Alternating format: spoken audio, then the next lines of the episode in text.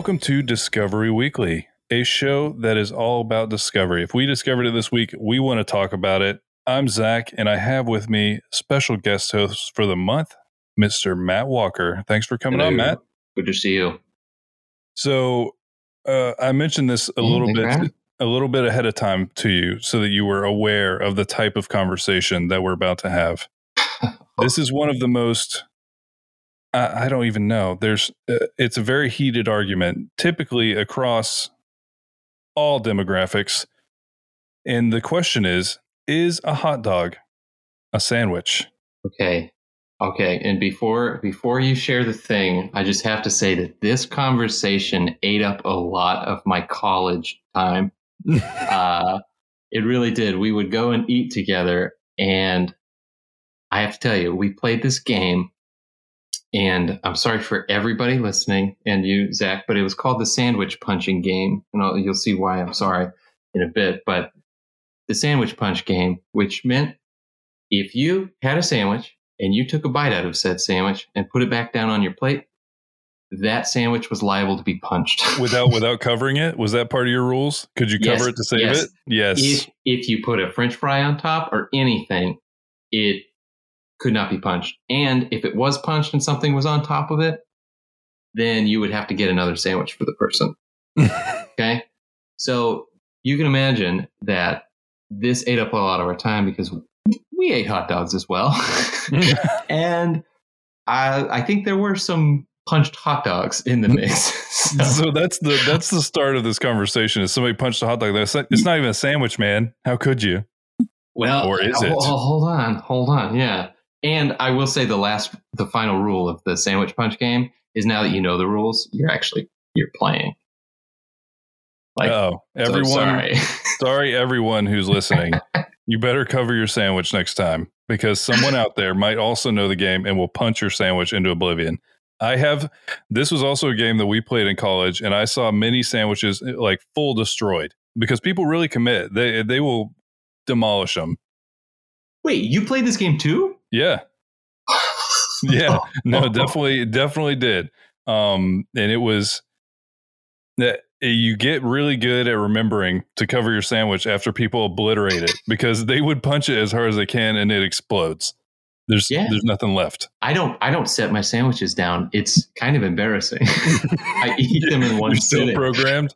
yeah, Why just so Carlin doesn't punch your sandwich? I, it's just so ingrained in me.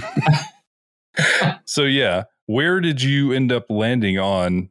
Is a hot dog a sandwich? Okay, so this is what we said. A sandwich is defined as one thing in between two of the same thing, and it can't be connected. And we only said that because a taco is essentially a hot dog, right? It's- Right. Yeah. that is the dumbest thing I think I've No, ever it, it, it kind of it kind of is though. a taco's a hot dog, and we all know that. Oh, right? it, it's about to get much dumber with what I'm going to reveal to you in just a second. but as soon as that hot dog bread rips, that's a sandwich. That's a sandwich. So, as you could tell, these things are very, very like um, controversial. And so, there is a site dedicated to what is known as the cube rule, which is a new way to identify foods based on starch location. So, it- Matt told us his his version of this, where it's uh, he he broke down the rules of why a hot dog is not a sandwich, and I'm kind of before I heard about the cube rule, I was kind of in the group of, okay, fine. If a hot dog is a sandwich just because it's bread, then a taco is a sandwich. A quesadilla is a sandwich. Like, let's go. There's bread everywhere. It's all sandwiches. But this one takes that to the next level because people start thinking the same way where like okay how are we how are we defining these things and there's a i'll, I'll throw in the show notes there's a link to kind of uh purist versus rebel and how all these things would play out because like a hardline traditionalist a blt is a sandwich everybody can get behind that a blt is a sandwich a structural purist means that it's kind of like what you're talking about where there's bread on both sides of a thing and it's holding it um, a structural purist but ingredient rebel there's like an ice cream between two waffles is a sandwich. But then you start getting to like in your definition, like if you go to Subway, that's not a sandwich. They're connected. Exactly. So, So the- it, our it way- gets our- it gets tricky. our way around that is if sandwich can be put in the name, then it's a sandwich. If it cannot be put in the name, Oh, okay. So then ice cream sandwich is done for. You Oh, better yeah. you better eat that thing in one bite. Subway Um, sandwich then- done for. Yeah. but okay, so on the rebel side of this, a structure rebel that is also a ingredient rebel would think that a pop tart is a sandwich because it's got it's got stuff everywhere. This, So is then- get, this is gonna get me heated, man. Oh yeah, get get ready. This is uh, it's about to blow your mind. So basically, someone just tweeted you should use the cube rule. And so how this works is based on where the starch is, that defines it. So he, I'll just read these to you. Number one is toast, and that means that there's bread on the bottom, just on the bottom. So like open face sandwiches. I'll give you some of their examples because it's that's where it gets bonkers. Sandwich, top and bottom is where the starch is. Taco, three sides. Sushi, all the way around. One of the categories is soup slash salad with a bread bowl. So it's like all the all the cube like planes except for the top one, and then a calzone is bread all around. So uh, that that seems simple ish, right?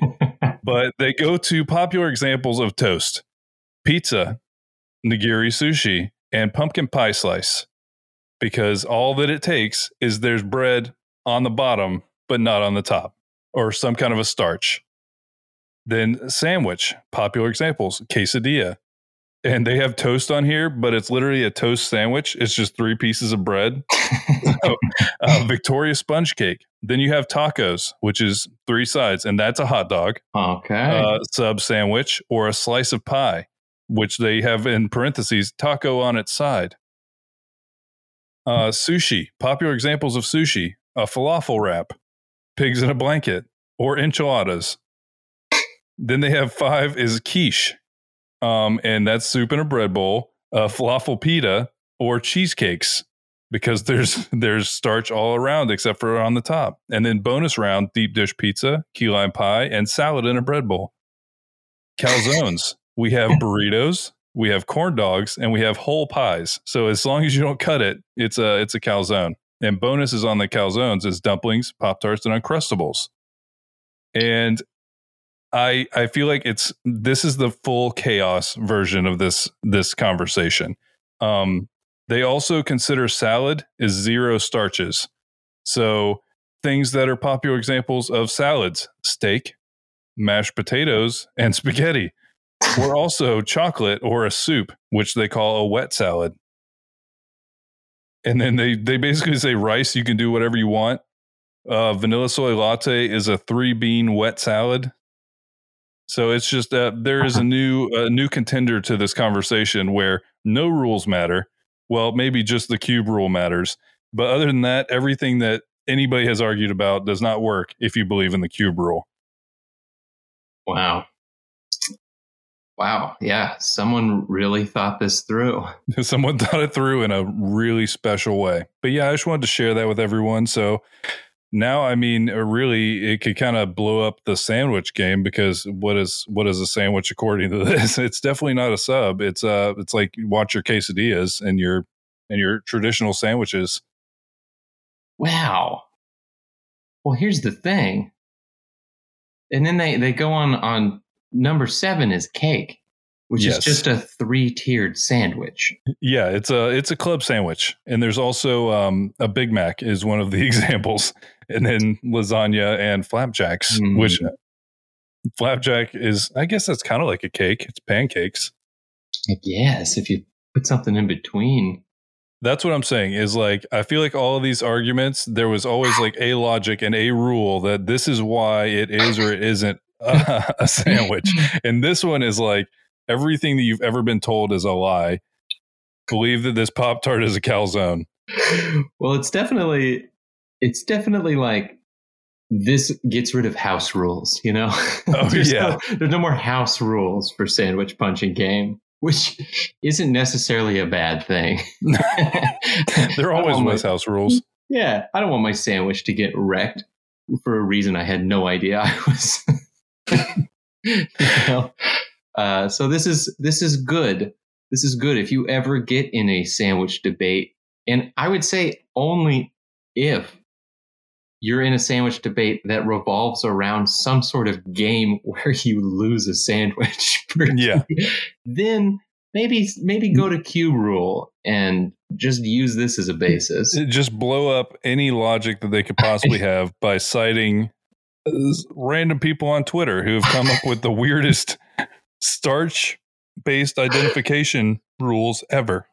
It's great, and I love at the top how they're how it's the cube rule of food, food identification as seen in the Webby Awards, the Washington Post, Maryland courts. Which I don't I know what Maryland courts is like. What is that referencing? That's the one that I saw. I was like, what? yeah, maybe they got some sort of judge to rule on this. yeah, I will say that essentially they have, uh, and I, I'm guessing this is real, but they do have the New York State Department of Taxation and Finance did weigh in on this, saying that sandwiches are generally subject to sales tax. This bulletin explains so what is considered great. a sandwich for sales tax purposes, and they do have hot dogs. Wow. But they also probably have hot dogs because it costs like a ludicrous amount of money to have a hot dog stand on certain corners in New York. So that's probably kind of it's a it's a tax thing. I'm assuming they're like, you know, we're gonna throw it in there. We're gonna go ahead and let this. uh We're gonna let that's this be great. a sandwich. I also like how at the bottom um, you can actually contact the person who made it, just in case you have any, you know, any further follow up you want to yeah. bring bring their way. No, I, this to me, this looks like it wasn't even. Yeah, no, it wasn't created by the people who started saying anything about the cube rule. Somebody just broke this down and made a a ludicrously like ridiculous. It's a fun website to go through. It's going to be linked fun. in the show notes. You can definitely check it out. But yeah, if you want to uh, fully disrupt any conversation about whether a hot dog is a sandwich, just bring this up and it's done. and now you have your party. Uh, You've just ruined the party for everyone. Come back.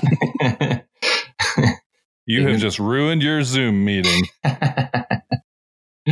your daily whiteboard at work. Just just bring this up, and everybody's going to talk about it. That's so good. That's great. I love that. I love that that's broken down. I thought I was the only person to know the pain of losing a sandwich that you no, it's funny made. you said the sandwich game. I was like, it can't be that. It can't be that game. it cannot be that game because I mean, the real time that everybody really liked to do it was if you were out. You know, so like if we ever went to like a fast food place, that's when they would look for it because people would a lot of times they do like napkins or whatever. But I did see one time, uh, like the wind blew the napkin off, and within a second, that sandwich was obliterated like immediately. It is a fun game, but you really have to make sure that you leave something on it or you're going to get a lot of sandwiches ruined. And uh, try to play with people that you know. yeah, no, strangers, they might not like this as much. Yeah, it's dangerous to be quite honest. don't don't assume people know about this game. I can I can recall one moment where uh, there was nothing on a sandwich. He realized it, like threw a fry. So as he punched, he punched the fry into the uh, sandwich, and then he had to get him a sandwich. It was like, oh man, oh, that is that's like the the top ten. The SportsCenter top ten play is him getting that fry down before it gets destroyed. Ooh, it was intense. It was an intense game. Well, uh, well, do you want me to bring up uh, the little bit of science uh, oh, yeah. news that I found? Absolutely. Sure. Well, in science news, uh, in science that's news. actually what it's uh, sciencenews.org. Um, oh, it's uh, it's really in science news. it, it truly is. Um, Europe's oldest known humans mated with Neanderthals, and it says also surprisingly often. uh, I want Seems to like- know. Yeah, they're making a judgment call there. yeah, what's I- the distinction between like surprise? What was the surprise? Were you thinking it was less? Yeah, yeah. And was it was it uh, that Neanderthals were were doing that, or were the ones that were doing that were doing it surprisingly often? I didn't. know what I mean? Yeah, I, I don't know. I I'm very curious now. I'll tell you that. Yeah. Well, I'll uh, I'll skip to some of the the tidbits here, but. Um, they found remains of three Homo sapien individuals unearthed in Bulgaria's Bacho Kiro cave. I know I'm not saying any of these things right. Uh, and um, nuclear nuclear DNA containing Neanderthal contributions of about three to four percent were found there, uh, and they were discovered by a team led by evolutionary geneticist Mateja Hashtagnac of the Francis Crick Institute in London. And I'm not going to apologize for how I said that because I said that correctly. Just kidding, I didn't. Um, there's no way. I think it's probably Bulgarian. Um, but the ancient DNA came from a tooth and two bone fragments radiocarbon dated to between around 43,000 and 46,000 years ago. Hmm. And stone tools typical of late Stone Age humans were found in the same sediment. Pretty Hmm. crazy, right? I did not, and it. I don't know. It could just be because I'm stupid, but I didn't realize that they were that closely like lined up. You know, I didn't realize that they were able to interact at that level. You know, that often. Yeah, yeah, and I guess this was right on the cusp, um, in between. Uh, oh boy, well, I wish I knew more about that. Uh, That's what I'm saying. Is I don't know. I feel really out of my depth right now. I can I can BS my way through a lot of conversations, but this one I'm like, yeah, I Oh. don't. I didn't got nothing. Here you go. Neanderthals went ex- extinct around forty thousand years ago. Oh, okay. So, So, that was okay. near the end of the Neanderthals. Yeah, so it was there. I mean, that's definitely later than they thought they existed, according to that. Uh, Forty-five thousand, um, or forty-three is what it said. Um, but uh, that's pretty. That's pretty crazy. Um, Yes, and according to geneticist, oh boy, Carle Lalueza Fox of the Institute of Evolutionary Biology in Barcelona, uh, it is remarkable that the Bacho Kiro finds could represent a population that was spreading 45,000 years ago, at least from Bulgaria to China.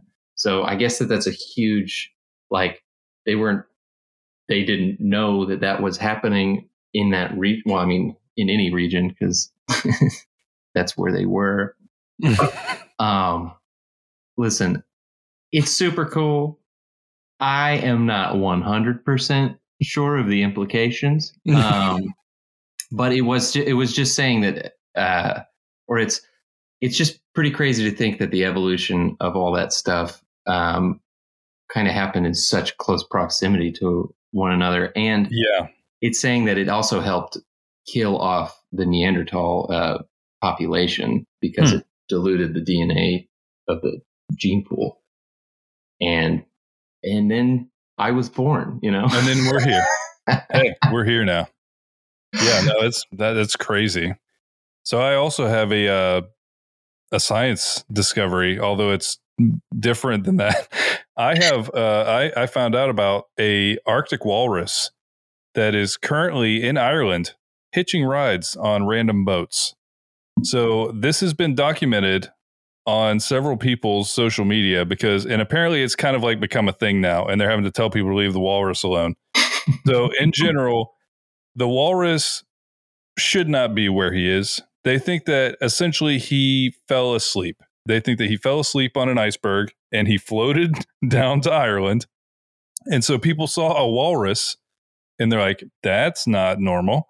And so they were just immediately shocked and thrilled to see what was going to happen with this with this walrus. But he is literally thousands of miles from where he should be because they usually are in the Arctic and he is not. And so they the, the only guess, one marine biologist speculated that he fell asleep on an iceberg. So he floated down to Ireland And then they saw him on a beach, and people were like, What is that thing? And so they start talking about it. But now he keeps showing up in other places. So he traveled another 280 miles to. Uh, I'm I'm really bad at like Welsh names. I'll say this right now. I'm sorry. At Pembrokeshire, maybe, not maybe. I don't know. But everybody who is calling Wall, um, they're calling him Wally now, which um, that's it's kind of it's weak. He's a walrus, like I get it. It's Wally, but Wally is kind of good. But Wally is now being seen in several different places, and he's been causing problems because he'll see a ship, and he's like, "Well, I got to get back out of here." So he's just hitchhiking everywhere he can. And so there was somebody who was trying to like ride a like drive a dinghy and he ended up capsizing it because he just like sees the dinghy and like climbs up there and walrus are gigantic and so he literally sinks the boat. And everyone is kind of losing their mind watching this and they're so excited that people are like taking boats and going and trying to find wally so they can like take pictures of him and see him. And so they actually it's one of the welsh marine rescue has put out, and it's a bunch of different marine research and a bunch of people that are concerned for Wally and not as concerned about how much people want to see him. They said, We understand it's exciting and unusual to have the walrus take up a temporary residence in Tenby, and that over the bank holiday weekend, many people may wish to visit the area in hope of catching a glimpse of him. However, it's in his best interest to be left alone as much as possible. So we're asking people to remember that he is a wild animal and avoid temptation to get near him and disturb him um, because apparently, yeah, people are literally just taking paddle boards, surfboards, whatever they can to go try and hang out with Wally. But yeah, I just read this story about this walrus that is all over the place, and it's funny. That's incredible. I actually had heard about that, but I didn't know that he was popping up all over because I, I had seen posted that he probably fell asleep on a on a, a ice sheet. And, and then, he was like, I'm in Ireland. He's like, Where am I right now? How long was I asleep? what a what a testament to a nice nap. Yeah, what a testament to the relaxation levels of a walrus. Mm. Like, how's he just sleep for a thousand miles? My God. What a lovely, what a lovely time. and now you're in Ireland and you can hang out and sink boats and stuff. I love it. That's incredible. God, man. Um, so the the uh, the other thing that I uh, discovered or that I would like to share is this wonderful Yelper. Uh, he lives in Brooksville, Florida, and he goes by John B. And I have known about him a little bit. He has a great review of Three Birds Tavern in St. Pete. Really? Uh, check it out. Yeah, it's it's a great one. Uh, we meet his wife, who he calls the Fab One, F A B One. Um, Number one. No, yes. oh my god. Oh my god. He mentions her in this one. Okay, so I, I just want to read his. And this this is rare he gave a one star review of Beef O'Brady's in Brooksville. Um, and he even, let me just read this, and I'm going to read it as I can only imagine John B. Uh, writes these reviews. this is a sad review to have to write. So much has changed since my glowing review of May 2018.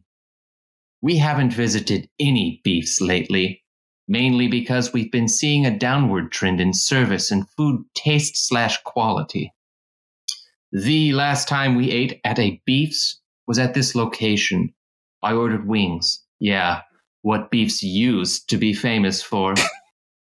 I'll just say the wings were not good. They were not, or they were edible, but the flavor was off. They just didn't have the wing pizzazz. and they were overly greasy.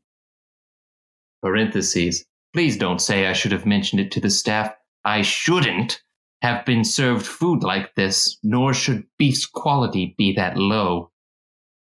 So, This past Sunday evening, we thought we'd drop in and give them a try.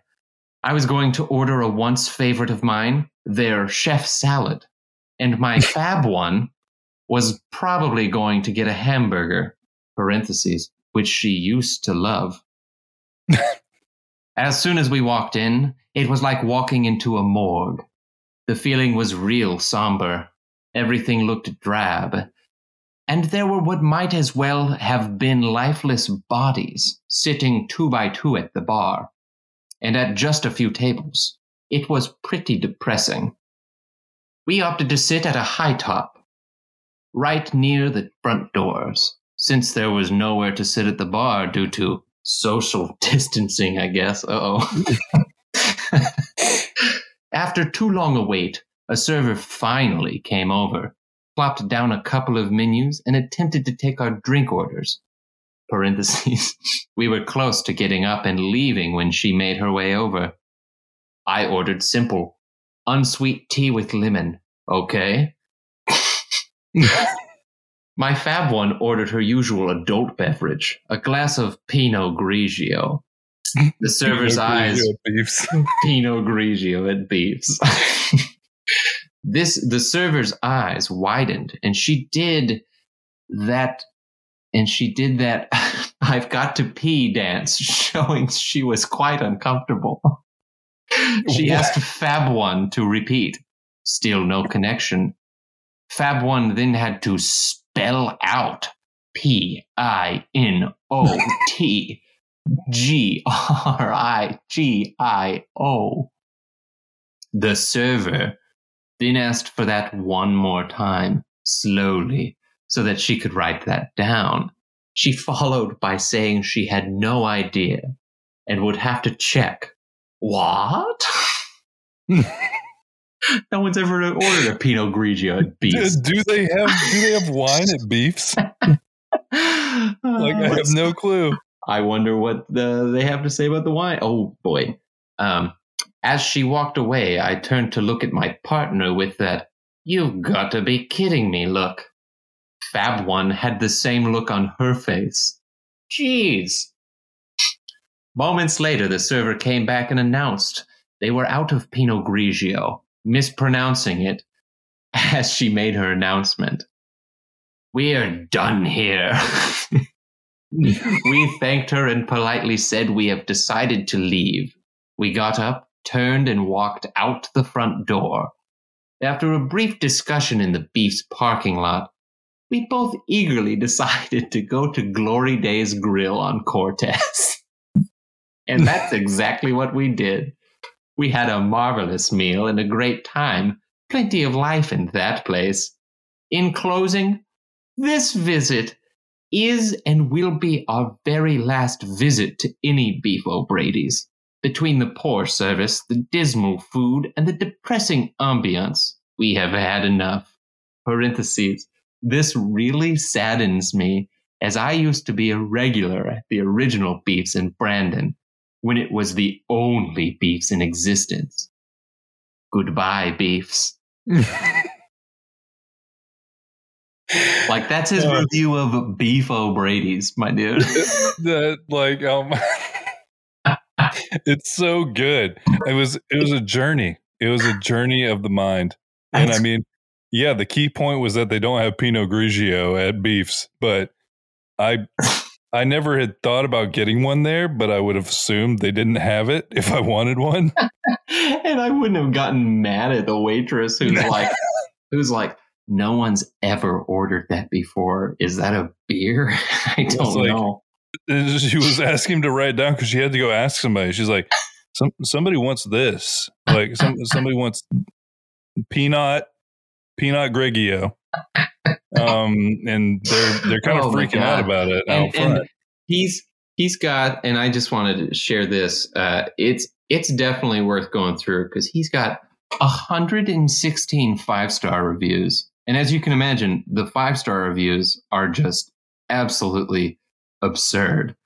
Uh, like here's a three star review of Long John Silver's. I'm not going to read, but he's got 116 five star reviews, 49 four star reviews, 23 stars, 19 two stars, and 21 one stars. So he's he's got so many of these things, and they all read exactly the same, and it's amazing. oh. I mean, that's uh, I'm I'm gonna have to go read some of those. That sounds amazing. Oh my god. I just I'll just read the first line of this one of an Uncle Kenny's barbecue in Claremont. Uh, like that bad George Thorogood song, this BBBBQ is bad to the bone. it's like the okay, the commitment, the commitment to what he's doing, I really appreciate. And when you go through this, you definitely have to look at the pictures that he's posted of himself too. He's either nothing like you'd picture him or exactly like you like what what do you think he looks like? I I'm trying to figure out if this is like a a 50 year old like kind of middle aged frumpy man. I don't know. Yes. Yes. Wears wears button downs, you know, short yes. sleeve button downs. Yes. Tommy Bahama stuff. Yeah. Yes. No, that's that's like him. A, like a parrot head, you know, just the, yes. the usual stuff. no, but like uh, uh, honestly, I I I'm a big fan of like his writing. Like it's it's great, and it's just what he's chosen to write about is ridiculous. and it's no, but I love it. I, I, love things that make the world a little bit weirder, makes just, it better. Just that he closed with like, mm, "Beef sucks. Let's go to Glory Days instead." And we'll we had a marvelous time. like, come on. no, that's that's definitely amazing. it's so good. Well, all right. That's all of our discoveries for this week, but we will be back again next week. So thanks so much for listening, and we'll talk to you again soon. Like Magellan, we sail across the ocean of the internet and we bring back a bountiful harvest of discoveries for all you at home. Thank you and good night.